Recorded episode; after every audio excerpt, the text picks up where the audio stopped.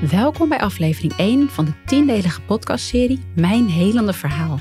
Waarin ik, Stefanie Kaars, schrijver en spreker, vertel hoe ik juist dankzij de zwaarste gebeurtenis in mijn leven, namelijk het ernstige gehandicapt raken van mijn dochter Sterre, nu bijna 15 jaar geleden, steeds meer mezelf ben geworden en het leven totaal anders, veel rijker, ben gaan ervaren.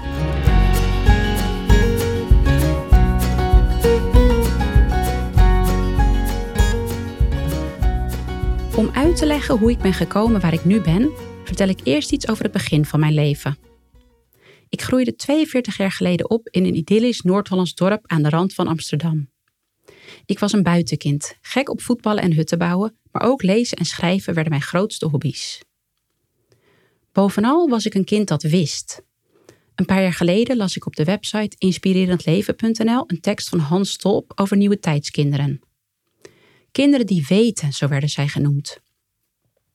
Het ging erover dat deze kinderen, zeker toen onze jaartallen nog begonnen met het cijfer 19, soms verkeerd werden begrepen en zich daardoor eenzaam konden voelen. Want hoe maak je als kind dat weten duidelijk aan mensen die alleen leven vanuit de kracht van het denken? Ik wil mezelf niet labelen, maar dat innerlijke, heldere weten, dat herken ik. Dat heb ik altijd gehad. Zo wist ik als kind al dat ik later schrijver wilde worden. Ik was groot fan van de chameleonboeken van Hotse de Roos en op mijn elfde schreef ik met pen mijn eerste boekje, een eigen avontuur over Hielke en Sietse, de schippers van de chameleon. Ik vermoedde toen alleen nog niet hoe belangrijk de naam van een van deze hoofdpersonen later in mijn leven zou worden. Op mijn elfde maakte ik ook iets anders mee wat ik nooit ben vergeten. Het was op kerstavond, 24 december, de enige keer per jaar dat mijn ouders, broertje en ik naar de kerk gingen. Die kerstnachtdienst koos de dominee uit een stapel ingezonden gedichten het mijne om hardop voor te lezen. Het ging over vrede. Toen ik mijn eigen woorden herkende, kreeg ik overal kippenvel. Wat een gaaf gevoel. Die avond op de fiets terug naar huis was het ijskoud, maar van binnen voelde ik zoveel warmte. Alsof er een knetterend vuur in mijn hart brandde en ik was zo dankbaar dat ik leefde. Ik ben hier niet zomaar, wist ik, maar met een reden. En ik ben niet alleen, dat voelde ik ook. De bron van het leven was bij me, verlichtte me van binnen en gaf zoveel kracht. Het was een geweldig gevoel. Vijf jaar later, op mijn zestiende, hoorde ik voor het eerst de naam Sterren. Hoe weet ik niet meer, maar ik vond het de mooiste naam ooit. Ik wist het meteen zeker, als ik later een dochter krijg, gaat zij Sterren heten. Ik baalde een beetje toen een dorpsgenoot een aantal jaar daarna haar dochter Sterren noemde, maar toch bleef mijn besluit vaststaan. Ooit zou ik mijn eigen sterren op de wereld zetten. Op mijn achttiende zette ik mijn eerste professionele stappen op het schrijverspad. Ik was net geslaagd voor het gymnasium en vertrok met mijn beste vriendin voor een paar maanden naar Frankrijk om Frans te studeren. In columnvorm verslag doen van onze Franse avonturen in een echt tijdschrift. Niets leek me leuker dan dat. Dus schreef ik een brief naar zes bladen met de vraag of dit mocht. Ik kreeg twee reacties die allebei belangrijk zouden worden voor mijn verdere levensloop. In Meidenblad was geen ruimte voor een column, maar een redacteur liet weten dat zij wel vaak stagiaires hadden van de opleiding Media en Informatiemanagement. Misschien kon ik iets met die informatie? De hoofdredacteur van Mijn Geheim, een blad vol levensverhalen, vroeg mij om proefcolumns te schrijven en daarna kreeg ik een wekelijkse column in Mijn Geheim. Weer fietste ik door het dorp met een hart dat in vuur en vlam stond. Dit was voor mij een droom die uitkwam. Tijdens een kennismaking op de redactie wist ik in één klap wat ik naast boekenschrijver wilde worden: hoofdredacteur van een landelijk tijdschrift. Al had ik nog niet eens gestudeerd, ik had grote ambities. Het was een heerlijk gevoel. Maar eerst ging ik naar Frankrijk, waar ik flinke heimwee kreeg, maar het schrijven hield me op de been. Uitgaan of alcohol drinken heb ik nooit gedaan, dat trok me niet. Ik was vooral aan het schrijven en kon niets leukers bedenken. Gelukkig mocht ik mijn column ook na de Franse tijd houden, want deze bijbaan paste mij als een jas. Het jaar daarna hoorde ik op een open dag bij de opleiding journalistiek dat als ergens een brand was, je het gevoel moest hebben daar meteen naartoe te willen. Ik had het tegenovergestelde brand, daar wilde ik juist van wegblijven. Gelukkig had ik de brief van Tina nog over de opleiding Media en Informatiemanagement. Op een open dag daar hoorde ik dat je met die opleiding tijdschriftredacteur kon worden. En zo begon ik op mijn negentiende met deze studie aan de Hogeschool van Amsterdam. Op een dag zat ik met twee meiden uit mijn studiegroepje, Elsa en Martine, in de schoolkantine. Elsa had keelpijn en Martine zei dat ze wel kon helpen. Zij kon reiki geven. Inmiddels is reiki bekender, maar twintig jaar geleden had ik er nog nooit van gehoord. Martine legde uit dat reiki uit Japan komt en letterlijk universele levensenergie betekent. Het is genezing door handoplegging. De reiki-energie stroomt door de handen van de behandelaar en zorgt onder andere dat de ontvanger ontspant en beter in zijn vel komt te zitten. Het is een helende energie, vertelde Martine. Ik kwam uit een gezin waar dit fenomeen volledig onbekend was. En toen Martine zei dat iedereen reiki kon leren geven, geloofde ik het nauwelijks. Ondertussen vertelde Elsa dat ze heerlijke warmte uit Martines handen voelde stromen en na een minuut of tien leek Elsa's verkoudheid over. Ik vond dit zwaar fascinerend. Ik was een nuchtere, rationele Noord-Hollandse, maar op een of andere manier resoneerde dit bij mij en wilde ik er alles over weten. Ik kocht twee boeken over Reiki en nog voor ik deze uit had, maakte ik een afspraak bij Martinez Reiki Master, zoals de lerares werd genoemd. Zo belde ik op mijn twintigste voor het eerst aan bij het huis van Saskia. Toen Saskia hoorde dat ik zelf nog nooit Reiki had gehad, wilde ze me eerst laten ervaren hoe dat voelt. Ik zat op een stoel en Saskia stond achter mij en legde haar handen op mijn schouders. Al binnen een paar seconden voelde ik zoveel warmte uit Saskia's handen stromen, ik zakte er letterlijk van onderuit. Ik was sprakeloos. Saskia zag het gebeuren en zei dat ik supergevoelig was voor Reiki. Mijn lichaam leek een uitgedroogde spons die in een rap tempo de nieuw aangeboden energie opslurpte. Even later werd ik helaas duizelig en misselijk. Saskia legde uit dat ik niet gegrond was. Dat kan bijvoorbeeld als je zenuwachtig bent. Ik had geen contact met de aarde en de helende energie kwam in mijn lichaam, maar kon het niet uitstromen. Saskia leerde mij te visualiseren dat er wortels als die van een boom uit mijn stuitje kwamen en naar de aarde groeiden. Ik vond het gek en moest er een beetje om lachen, maar het hielp wel. De duizeligheid en misselijkheid verdwenen. Saskia legde nog veel meer uit. Ik leerde dat alles energie is, zelfs bijvoorbeeld een tafel of een stoel, dingen die harde materie lijken. Saskia vertelde ook over mensen met verschillende ziektes en kwalen die dankzij Reiki veel minder last hadden, of zelfs waren genezen.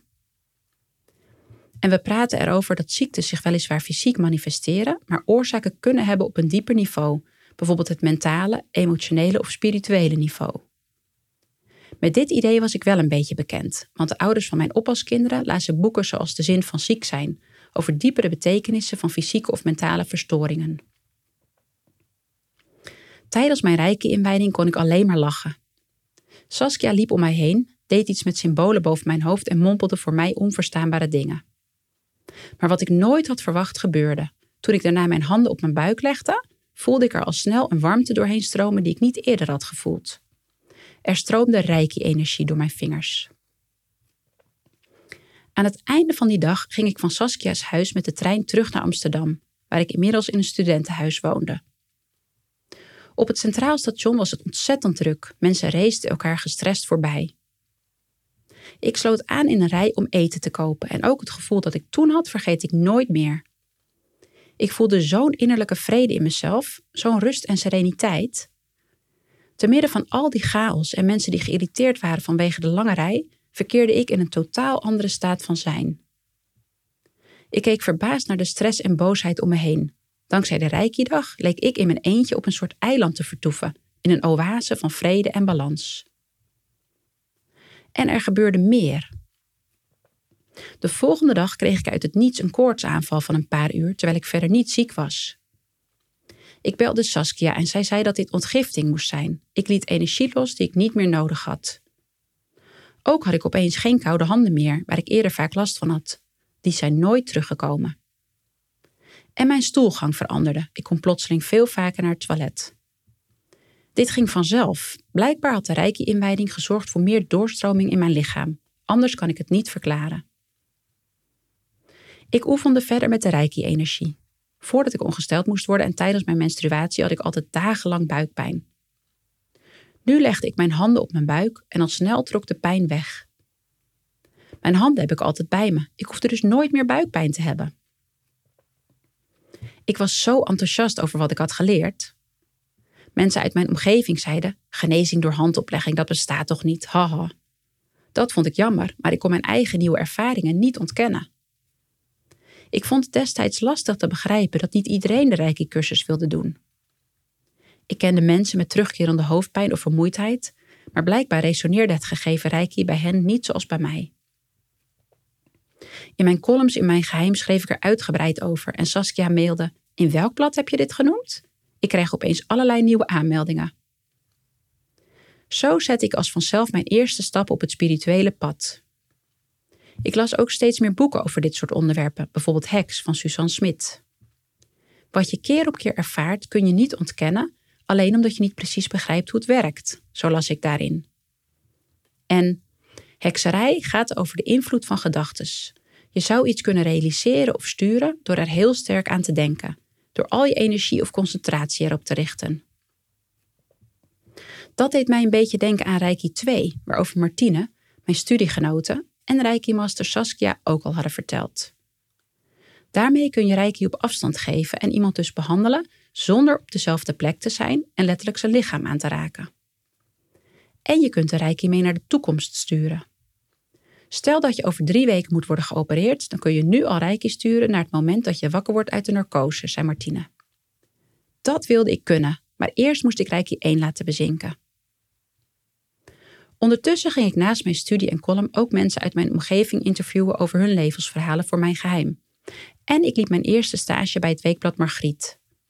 Ik vond het ongelooflijk spannend om bij zo'n groot tijdschrift als Margriet te mogen werken. Ik durfde nauwelijks te bewegen achter mijn computer, maar die stage was wel één grote bevestiging. Ik wilde nog steeds niets liever dan na mijn studie in de tijdschriftenwereld werken. Na de stage zag ik dat op de hogeschool het keuzevak alternatieve geneeswijzen werd gegeven. Ik koos het meteen. Ik zou er nog studiepunten mee verdienen ook. Het vak werd gegeven door twee leraren die allebei een praktijk hadden waar ze verschillende alternatieve methodes toepasten. Ik vond alle lessen mateloos intrigerend, maar het bijzonderst vond ik die keer dat een van de leraren vertelde dat hij in mensen hun ogen informatie kon aflezen uit hun medische geschiedenis. Na zacht overleg tussen de leraar en de studenten uit mijn klas vertelde de studenten zelf dat zij een abortus had ondergaan en dat de leraar dat had gezien aan iets in haar ogen. In jouw familie zijn veel mensen overleden aan tuberculose, zei de leraar daarna tegen mij, na een blik in mijn ogen. Ik had geen idee, maar vroeg het later na bij mijn moeder en het klopte. De oma van mijn moeder verloor als kind eerst haar moeder aan TBC, daarna haar zusje, vervolgens twee halfzusjes en tot slot ook nog haar vader. Mijn overgrootoma groeide verder op in een weeshuis, omdat haar hele gezin dus aan TBC was overleden. Dat de leraar deze voorgeschiedenis aan mijn ogen kon aflezen, wakkerde mijn fascinatie voor alternatieve geneeswijzen nog meer aan. Ik wilde hier alles over weten. Op mijn 22e liep ik mijn tweede stage bij het weekblad Vriendin, toen mijn drukke leven plots tot stilstand kwam. Mijn opa kreeg een zware hersenbloeding en zou binnen een paar dagen overlijden. De nacht waarop dit uiteindelijk gebeurde, zag ik zijn ziel letterlijk zijn lichaam verlaten. Niet dat ik fysiek bij opa was, ik lag gewoon in mijn eigen bed in mijn nieuwe studentenkamer in Amsterdam. Ik sliep, maar ook weer niet. Ik had mijn ogen dicht, maar toch kon ik zien. Ik zag het lichaam van mijn opa en uit zijn borstkas steeg een wit licht op. Het was geen bol en ook geen vierkant, maar iets daartussenin, een witte energie. De volgende ochtend belde mijn vader om te vertellen dat opa die nacht was overleden. Dat wist ik dus al. Op een of andere manier was ik erbij geweest. Vanaf dat moment kon ik er voor mezelf niet meer omheen dat wij mensen een ziel hebben die onsterfelijk is en voortleeft als ons lichaam sterft. Vlak hierna liet ik me door Saskia inwijden in Reiki 2. Dat is dus nog krachtiger dan Reiki 1. Je behandelt mensen er niet alleen fysiek mee, maar ook op mentaal en emotioneel niveau. Al snel kon ik mijn eigen nieuwe ervaringen weer niet langer ontkennen. Ik experimenteerde onder andere door mijn vriendin Elsa op afstand te behandelen. Eerst op een afgesproken tijdstip en later ook, uiteraard met haar toestemming, op onverwachte momenten. Elsa voelde alle keren hetzelfde als wanneer ik mijn handen letterlijk op haar lichaam legde: warmte, tintelingen en daarna diepe ontspanning. Haar hoofd werd even uitgeschakeld, het denken tijdelijk gestopt. Na mijn stage bij Vriendin mocht ik als freelance journalist op de redactie blijven werken. Ik had verschillende rubrieken, zoals een boekenrubriek en wekelijkse interviews met hartsvriendinnen. Leuk, maar het meest fantastisch vond ik het om zwaardere human interest verhalen te schrijven. Mijn hart ging sneller kloppen van reportages die ik maakte over een opkikkerdag voor twee zusjes met Thai-slijmziekte, een vrouw met anorexia, een moeder met kanker en een man die bij de tsunami in Thailand zijn zus en zwager verloor. Ik was jong en zag er nog jonger uit. Lezeressen die meestal twee keer zo oud waren, deden vaak verbaasd de deur open als ik aanbelde om hen te interviewen. Maar als ik hen later de teksten liet nalezen, hoorde ik meer dan eens dat ik zelfs kloppende dingen had opgeschreven die ze mij niet eens hadden verteld. Voor mij heel waardevol was dat ik voor vriendin mijn eigen interesse, de spirituele wereld, volledig mocht verkennen. Zo liet ik voor een reportage mijn handen, tenen en aura lezen. De handlezeres zei iets wat mij verbaasde: dat ik zelf al de gave had om te helen met mijn handen, dat ik daar geen rijke inwijding voor nodig had gehad. Ik snapte dat niet, maar onthield het wel. Net zoals de uitspraken van medium Char die ik interviewde en wat ik leerde tijdens een workshop over het versterken van je intuïtie die ik voor mijn werk volgde. Waar leeftijdsgenoten vooral feesten, was ik zielsgelukkig dat ik zelfs geld kreeg voor wat ik het leukste vond om te doen. Toen een van de twee vaste banen als journalist van Vriendin vrijkwam, solliciteerde ik dan ook meteen. Ik werd gekozen en kreeg nooit spijt. De vier jaar hierna bleef de redactie voor mij een warm bad en voelde het alsof ik hoogstpersoonlijk het destijds populaire tv-programma Idols had gewonnen. Zo genoot ik van deze baan. Op de redactie kwamen nieuwe boeken over spiritualiteit vanzelf op mijn bureau terecht. Zo maakte ik kennis met schrijfster Louise Hay, bekend van onder andere Je kunt je leven helen, over de kracht van gedachten en overtuigingen op je fysieke en mentale gezondheid. En met de Japanse onderzoeker Emoto, die bewees dat water een krachtige informatiedrager is. Gefascineerd bekeek ik zijn foto's van bevroren kristallen van water dat was blootgesteld aan een foto van moeder Teresa, versus water dat was blootgesteld aan een foto van Hitler. De kristallen hadden totaal verschillende structuren. Privé verdiepte ik me ook verder. Ik las over de werking van edelstenen, volgde een cursus Chinen Qigong en liet een astroloog mijn geboortehoroscoop uitrekenen. De astroloog vertelde over zijn visie dat elke ziel steeds opnieuw een leven kiest om daar bepaalde lessen uit te leren. Een ziel zou ook de ouders uitkiezen bij wie hij wordt geboren en zijn geboortetijdstip. Hij kiest het moment waarop de planeten en sterren het gunstigst staan voor wat hij in dat leven wil bereiken, zei de astroloog. Stel dat hij bijvoorbeeld heel veel energie nodig heeft om zijn doel te halen, dan zorgt de ziel dat hij in de maand van de ram wordt geboren, want rammen zijn over het algemeen energierijk. Ik wist uiteraard dat ik een ram was, maar de astroloog vertelde ook over mijn maanteken en ascendant. En de vele A4'tjes info die ik kreeg over mijn leven en karakter herkende ik wonderwel. Alles bij elkaar bevestigde dit mijn gevoel dat toeval niet bestaat en dat het heel belangrijk is met welke energie wij mensen onszelf voeden. Op mijn 24ste ontmoette ik mijn nieuwe liefde Sven, grappig genoeg ook via vriendin. Ik moest namelijk een artikel schrijven over nieuwe datingmethodes, de eerste reportage waar ik eigenlijk niet zo'n zin in had. Ik mocht onder andere gratis lid worden van een datingsite voor hoogopgeleiden. Toen ik met het artikel bezig was, sloeg er geen vonk over, maar later raakte ik via de datingsite toch aan de mail met ene Sven uit Rotterdam. Lang verhaal kort, wij raakten stapelgek op elkaar. We voelden een diepe liefde en herkenning, maar tegelijkertijd werd onze prille relatie overschaduwd door een groot verdriet. Svens vader had namelijk kanker. De eerste keer dat ik mijn nieuwe schoonvader ontmoette was in het ziekenhuis, waar hij voortdurend overgaf, een bijwerking van de chemotherapie. Sven was bijna negen jaar ouder dan ik en had verschillende vrienden met kinderen. Als vanzelf kwam het onderwerp tussen ons ook ter sprake. Toen ik Sven voor het eerst vertelde dat ik mijn toekomstige dochter Sterre wilde noemen, was er iets opmerkelijks. Svens neef bleek een driejarige dochter te hebben die Sterre heette, met dezelfde achternaam als Sven. Ik vind het ook een prachtige naam, maar ik kan mijn kind niet hetzelfde noemen als mijn neef heeft gedaan, zei Sven. Natuurlijk deed dit niks af aan mijn liefde voor Sven, maar ik vond het wel gek. Diep van binnen wist ik namelijk nog steeds zeker dat mijn toekomstige dochter toch echt Sterre zou gaan heten.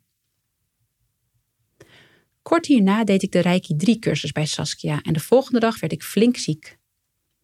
Ik had dagenlang hoge koorts en werd dus weer schoongemaakt om een nog helderder Reiki-kanaal te kunnen zijn. Hierna belandde mijn leven in een soort stroomversnelling, want plots kwam mijn droomhuis, een prachtige maisonnette in mijn geboortedorp, te koop. En voor ik het wist had ik mijn eerste eigen huis gekocht. Helaas ging Svens vader hard achteruit. Zijn grote wens was om mijn nieuwe huis nog te bezoeken, want Sven zou binnenkort bij mij intrekken. Maar het lukte niet meer. De dood naderde te snel en mijn schoonvader overleed. De dagen die volgden knipperde het licht in de gezamenlijke hal van mijn nieuwe huis onophoudelijk. Mijn buurman probeerde te ontdekken wat er mis was met het licht en belde zelfs een elektricien, zonder resultaat.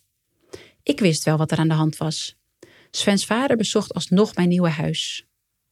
Na twee dagen urenlang geknipper werd het gelukkig rustiger en werkte het licht eindelijk weer op de normale manier. Alleen als de buren of wij het lichtknopje indrukten. Vlak na het overlijden van Svens vader interviewde ik voor vriendin een bekend medium. Het medium typeerde Svens vader heel goed. Ik herkende hem duidelijk in de gegeven beschrijving. Daarna vertelde het medium mij dingen over mijn eigen leven. Over een paar jaar ga jij verhuizen, zei hij. En het buitenland wordt heel belangrijk voor je. Ik was dus net in mijn droomhuis getrokken. Een maisonnette met meerdere slaapkamers, dus ook mogelijkheden voor gezinsuitbreiding. Ik kon me niet voorstellen dat ik daar in de nabije toekomst weg zou gaan. En het buitenland, tja, leuk voor vakanties, maar verder had ik geen plannen. Ik kon de uitspraken dus niet plaatsen. Het medium was door zijn paranormale gaven in zijn jeugd vaak verkeerd begrepen en hij vertelde ook dat ene Rens Hendricks hem had geholpen om vele malen beter met het leven te kunnen omgaan. Er gebeurde niets bij mij. De naam Rens resoneerde niet en trok me niet aan. Ik had nog geen enkel vermoeden dat deze Rens elf jaar later ook een ongelooflijk belangrijke rol zou gaan spelen in mijn eigen leven. Op mijn 25ste schreef ik op 31 december twee voornemens in mijn dagboek. Een tweede boek schrijven, het eerste over een voormalige gifpolder was net uitgekomen, en misschien wel zwanger worden. Sven was inmiddels bij mij ingetrokken en we woonden tegenover de basisschool in het dorp. Vanuit de woonkamer keek ik op de ingang van de kleuterklasse. Op een vrije ochtend zag ik de vier- en vijfjarigen naar binnen lopen. Sommigen aan de hand van hun vaders of moeders, anderen al wat zelfstandiger. Wat leek het me geweldig om ooit een kind naar deze school te brengen. De school waar ik zelf van groep 1 tot en met groep 8 op zat en een fijne tijd beleefde. Maar mijn relatie met Sven hield geen stand. We konden het allebei niet goed verklaren, maar het leek alsof met het overlijden van Svens vader ook onze liefde in een rap tempo van de aardbodem verdween. We voelden allebei dat het beter was om uit elkaar te gaan en Sven vertrok. Maar een pijn dat deze breuk deed, Weekendenlang lag ik huilend op bed. Nu, zoveel jaar later, geloof ik dat mensen in bepaalde fases van hun leven bij elkaar moeten zijn, soms ook om specifieke gebeurtenissen samen mee te maken. Voor mijn gevoel was het op een of andere manier de bedoeling dat Sven en ik het overlijden van zijn vader deelden, maar daarna moesten we weer ieder onze eigen weg gaan. Vijf weken later zat ik nog midden in mijn liefdesverdriet, maar gebeurde het onverwachte. Ik ontmoette Mark. Op het verjaardagsfeest van een vriend van hem en een vriendin van mij, die sinds kort samen waren, morste Mark per ongeluk bier over mijn rode laarzen. De volgende dag sms'te hij. Hij kreeg mijn nummer via mijn vriendin. Jij mag je beugeltandarts weer elk jaar een kerstkaart sturen, schreef hij. Hij was onder de indruk van mijn tanden. Ik heb nooit een beugel gehad, antwoordde ik. Wat wil je van me? Ik stond niet bepaald open, maar mijn afhoudende toon schrok Mark, achteraf gelukkig, niet af. Ik weet nog niet of ik met je wil trouwen, maar een date lijkt me te gek. Kun je zaterdagavond, sms'te hij. En zo geschiedde. Al had Sven nog niet eens al zijn spullen uit mijn huis gehaald, ik ging uit eten met Mark. Het was geen liefde op het eerste gezicht, maar voelde wel meteen goed. Voor het eerst sinds lange tijd kon ik weer eens lachen, want humor is Marks middelneem. De maandagochtend daarna opende ik mijn werkmail. Mark had me gegoogeld en een plaatje van een roos gestuurd. Goedemorgen schoonheid stond eronder. En zo raakte ik na nog een aantal dates langzaam maar zeker opnieuw verliefd. Ik was 26 en de grappige, kale, 28-jarige ingenieur Mark veroverde een steeds groter stukje van mijn hart. Rond deze tijd was er een vacature binnen de tijdschriftenuitgeverij. Voor meidenblad Girls werd een nieuwe chefredactie gezocht. Ik solliciteerde, kreeg de baan en kon mijn geluk niet op. Chefredacteur worden was een prachtige stap omhoog, richting mijn doel om hoofdredacteur te worden. Een paar weken later droeg ik mijn werk bij vriendin over aan mijn opvolgster. De hoofdredacteur en chef hadden iemand gezocht die zoveel mogelijk op mij leek, vertelde ze. Een mooi compliment. En inderdaad, Helene is even oud als ik en leek net zo'n type. Met een fijn gevoel droeg ik het werk aan haar over en verhuisde zelf een verdieping hoger naar de redactie van Girls. Elf maanden na onze eerste ontmoeting trok Mark bij mij in. Een maand later was ik zwanger. Voor mensen uit onze omgeving viel dat net zo plomp verloren uit de lucht als ik het nu vertel, maar voor mijn gevoel klopte het. Sterker nog, voor mijn gevoel kon het niet anders, moest het zo zijn. Hoeveel verlangens passeren er in een mensenleven die we rationeel niet kunnen verklaren? Jaren later las ik in het boek Superbrein van Deepak Chopra en Rudolf Tansi het volgende. Intuïtieve mensen hebben duidelijke kenmerken. Ze nemen snel beslissingen zonder een rationeel proces te doorlopen. En die zijn net zo accuraat als rationele beslissingen. Ze vertrouwen op inzicht, op direct weten dat geen redenen nodig heeft om tot een bepaalde conclusie te komen.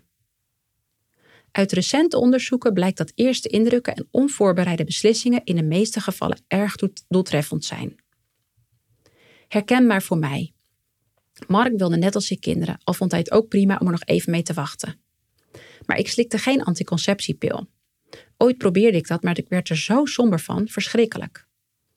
Ik testte verschillende andere pillen, maar kon er niet tegen. Mark en ik gebruikten condooms, maar we namen het niet altijd even nauw. De maand voordat ik zwanger raakte, was er ook een piepkleine kans dat ik zwanger zou zijn.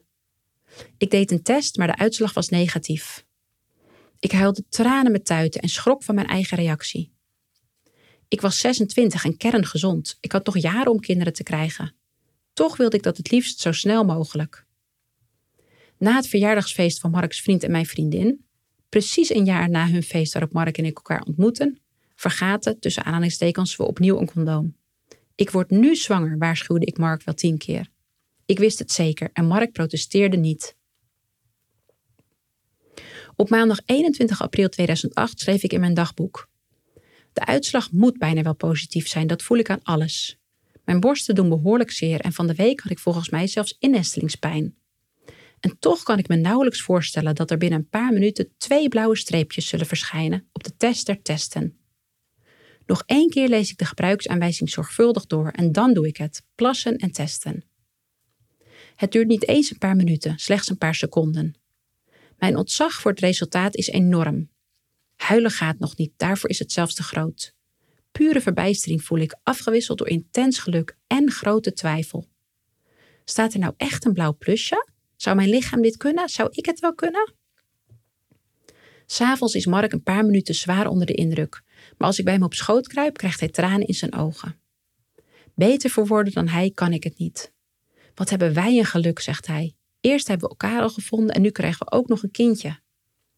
We kennen elkaar een jaar en wonen pas net samen, maar het voelt alsof we elkaar nooit niet kenden. Ik knik dan ook en daarna zijn we een hele tijd stil. Wat er verder ook zal gebeuren in de wereld, bij ons thuis komt alles goed. Zo voelt het op dit moment.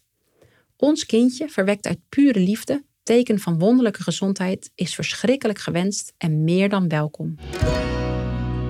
Ik was net een half jaar chefredactie van Girls. Ook daarom vonden mensen om ons heen deze wending gek. Hoe moest het nu met mijn carrière?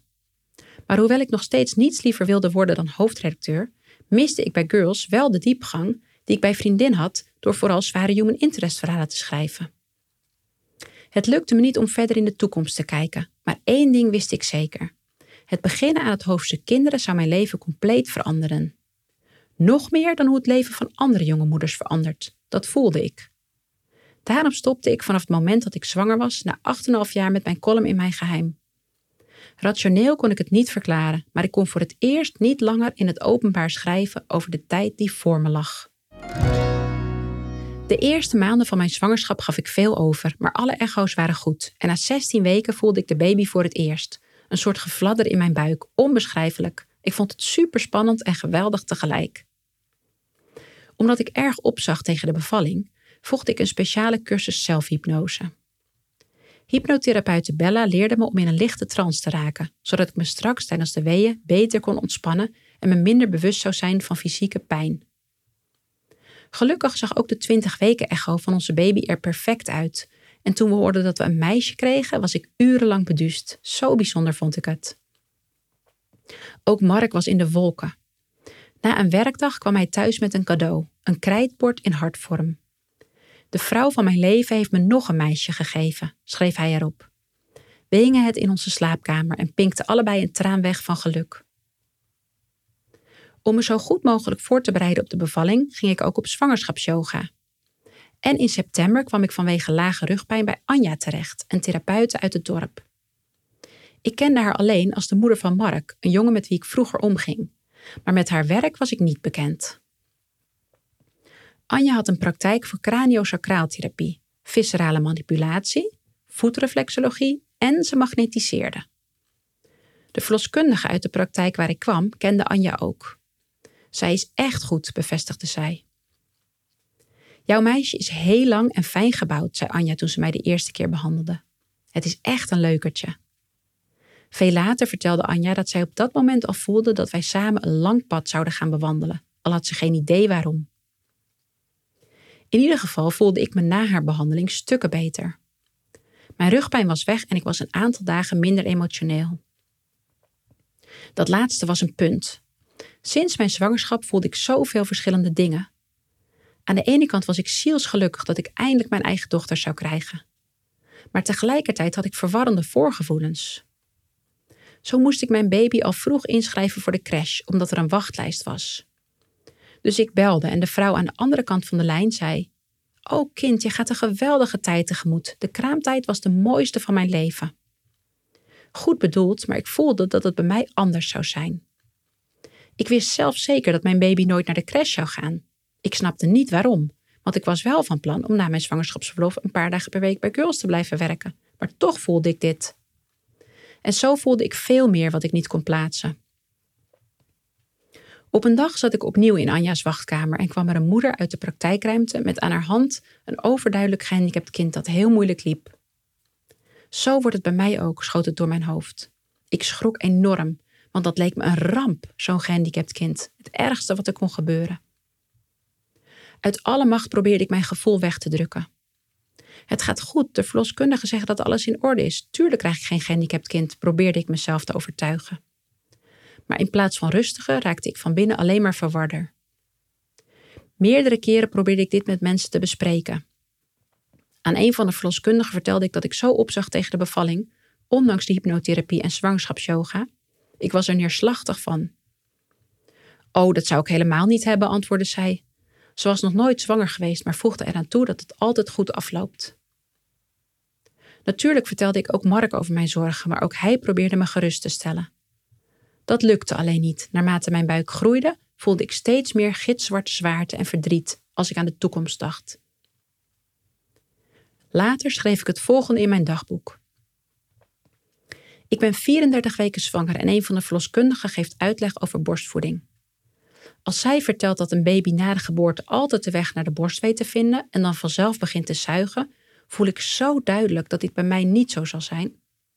Ik stel heel specifieke vragen over wat als dit niet zo is, wat als het aanleggen en het zuigen niet gaat. Ik ga er steeds over door, tot de verloskundige geïrriteerd raakt. Ik heb honderden bevallingen meegemaakt en dit gaat altijd goed, zegt zij streng. Ik moet er nu over stoppen. Jij hebt echt geen idee wat er allemaal kan gebeuren, flitste door mijn hoofd.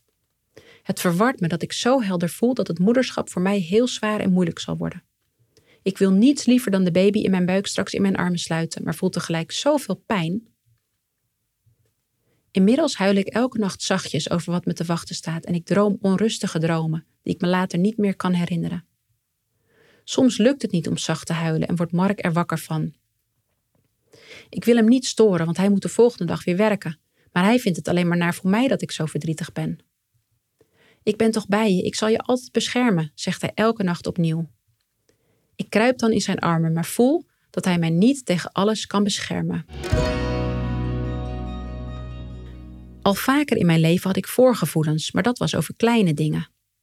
Zo zou ik voor vriendin een keer op persreis gaan naar Malta, Maar ik wist meteen dat die reis niet zou plaatsvinden, wat later uitkwam. Ook wist ik jaren geleden dat iemand die zwanger was een miskraam zou krijgen en dat gebeurde. Toch kon ik tijdens mijn eigen zwangerschap niet echt goed onder woorden brengen waarom ik me zo verward en eenzaam voelde. Medisch gezien verliep alles goed en de toekomst had nog niet plaatsgevonden. Dus ik kon wat ik voelde net zo min plaatsen als de mensen die ik erover probeerde te vertellen. Toen ik 39 weken zwanger was, zei Anja dat ze mijn kindje kon behandelen, mocht er ooit iets met haar zijn. Dat is heel bijzonder om mee te maken. Het is een soort ontdekkingsreis om te kijken wie ze is en waar ze behoefte aan heeft, zei Anja. Ik hoopte dat het niet nodig zou zijn, maar vond het fijn om te weten dat het kon. Drie dagen later had ik een bizarre ervaring. Ik zat met mijn dikke buik op de bank en durfde niet meer te bewegen. De dood was namelijk om mij heen. Dat is de enige manier waarop ik het kan omschrijven. Ik wist niet of de dood voor mij kwam of voor de baby, maar ik kon niets meer. Uren achter elkaar huilde ik in mijn zwangerschapspyjama. Ik durfde niet eens te douchen. De dag hierna had ik een afspraak bij de verloskundige, die ik vertelde hoe bang ik was. Gelukkig reageerde zij warm en ze raadde me Bach bloesemdruppels aan, tegen angst voor het onbekende. Die kocht ik meteen en de dagen daarna voelde ik me iets rustiger. Anja behandelde me ook nog een laatste keer. Zij ging bijna op vakantie. Mocht het straks niet lukken om borstvoeding te geven, voel je dan niet schuldig en laat je niet gek maken door een principiële kraamhulp die alleen dat goed vindt, gaf Anja me nog als laatste tip mee. Mijn zoon Mark kreeg geen borstvoeding, maar hij is toch groot geworden. Het overviel me, het gevoel dat ik geen borstvoeding zou geven, al was ik dat in eerste instantie van plan. Ik voelde het met een zekerheid waar ik niet omheen kon. Dit was aflevering 1 van mijn helende verhaal.